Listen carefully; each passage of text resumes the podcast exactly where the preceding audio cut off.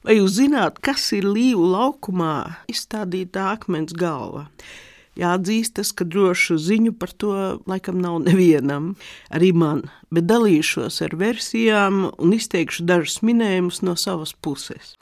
Pirmais apraksts par akmens galvu atrodams Tērbatas vācu baltu iknedēļas laikrakstā Das Inland 1852. gadā, 40. numurā, ja kāds grib pārbaudīt. Sadaļā dienas kronika tiek ziņots, ka akmens galva apaugusi ar biezu sūnu kārtu, atrasta gadu iepriekš, 1851. gada rudenī, kādā tīrumā netālu no salas pilsētas, rakstīts e, Kirholmā, agrāk tā salas pilsēta sauca. Akmeņa galva bija gandrīz metru precīzāk 93 cm augsta, un kā vēlāk tika pārsvērts ap 780 kg smaga akmeņkalis e, Pauls Adolfs Hāke, e, kā vēstīja Das Inland, to nopircis no vietējā zemnieka ar nolūku izmantot kā pamatni kapa piemineklim.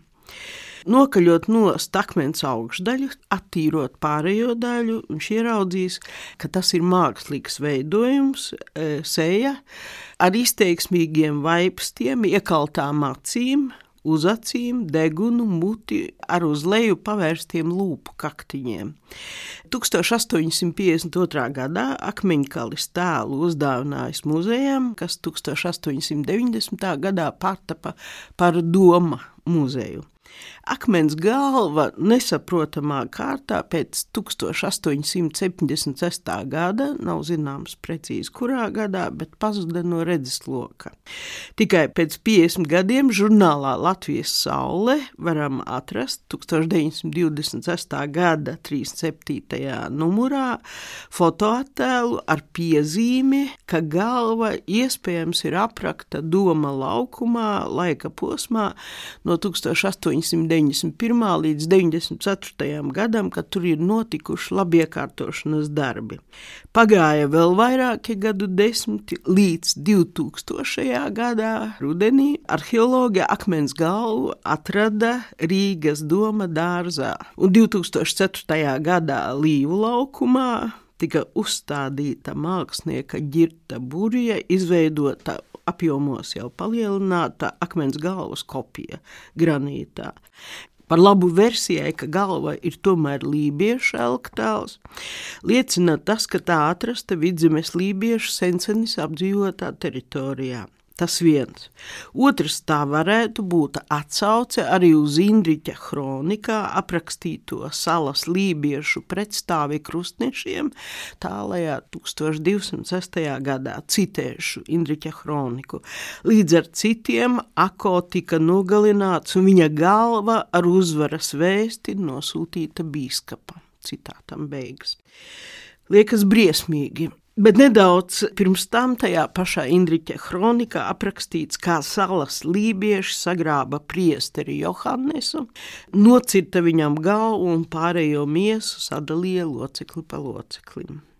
Jāpiezīmē, ka galvu senākos laikos uzlūkoja par ķermeņa daļu, kurā ticēja iemiesota cilvēka dvēsele un cilvēka dzīvības spēks. Ja pieņemam, ka salaspils akmens galva simboliski attēlo ako nocirsto galvu, tad pārņem tāda vairāk nekā dīvaina sajūta, ko mēs ar šo pieminam. Lībiešu sakāvi un viņu vadoņa nocirsto galvu Vienlaikus nav gadījies sastapt liecības, ka nogalināto pretinieku galvas speciāli tiktu iemūžināts akmens tēlos.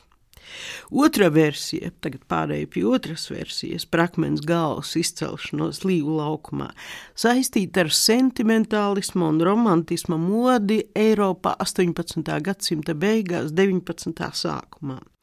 Tas bija senatnes kulta laiks, kad katra augstdzimušā īpašumā, katram mužniekam par goda lietu tika uzskatīts atrast kādas senas pilsdrupas, bet, ja tādu nebija, uzcelt mākslīgas pilsdrupas. atvest no Eģiptes, Grieķijas vai citurienes senlaiku skulptūras vai uzdot uh, akmeņkaļiem, viltot tādas. Pastāv iespēja, ka akmens galva, kas uh, doma krustajā, izgatavot 18. gadsimtā, kad bija mode uz īstiem vai viltotiem pagāniskiem elktēliem.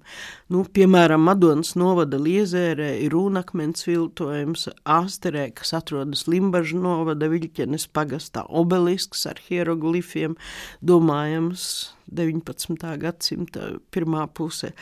Modes mainās, bet kaut kādas zīmes no iepriekšējo laikmetu aizraušanās ar to vai citu paliek. Akmens galva līvu laukumā varbūt arī nav tā priecīgākā zīme no aizgājušiem laikiem, bet liek atcerēties, ka katrai tautai lībiešiem, latviešiem jārūpējas par savām galvām un jātur piemiņā sava vēsture.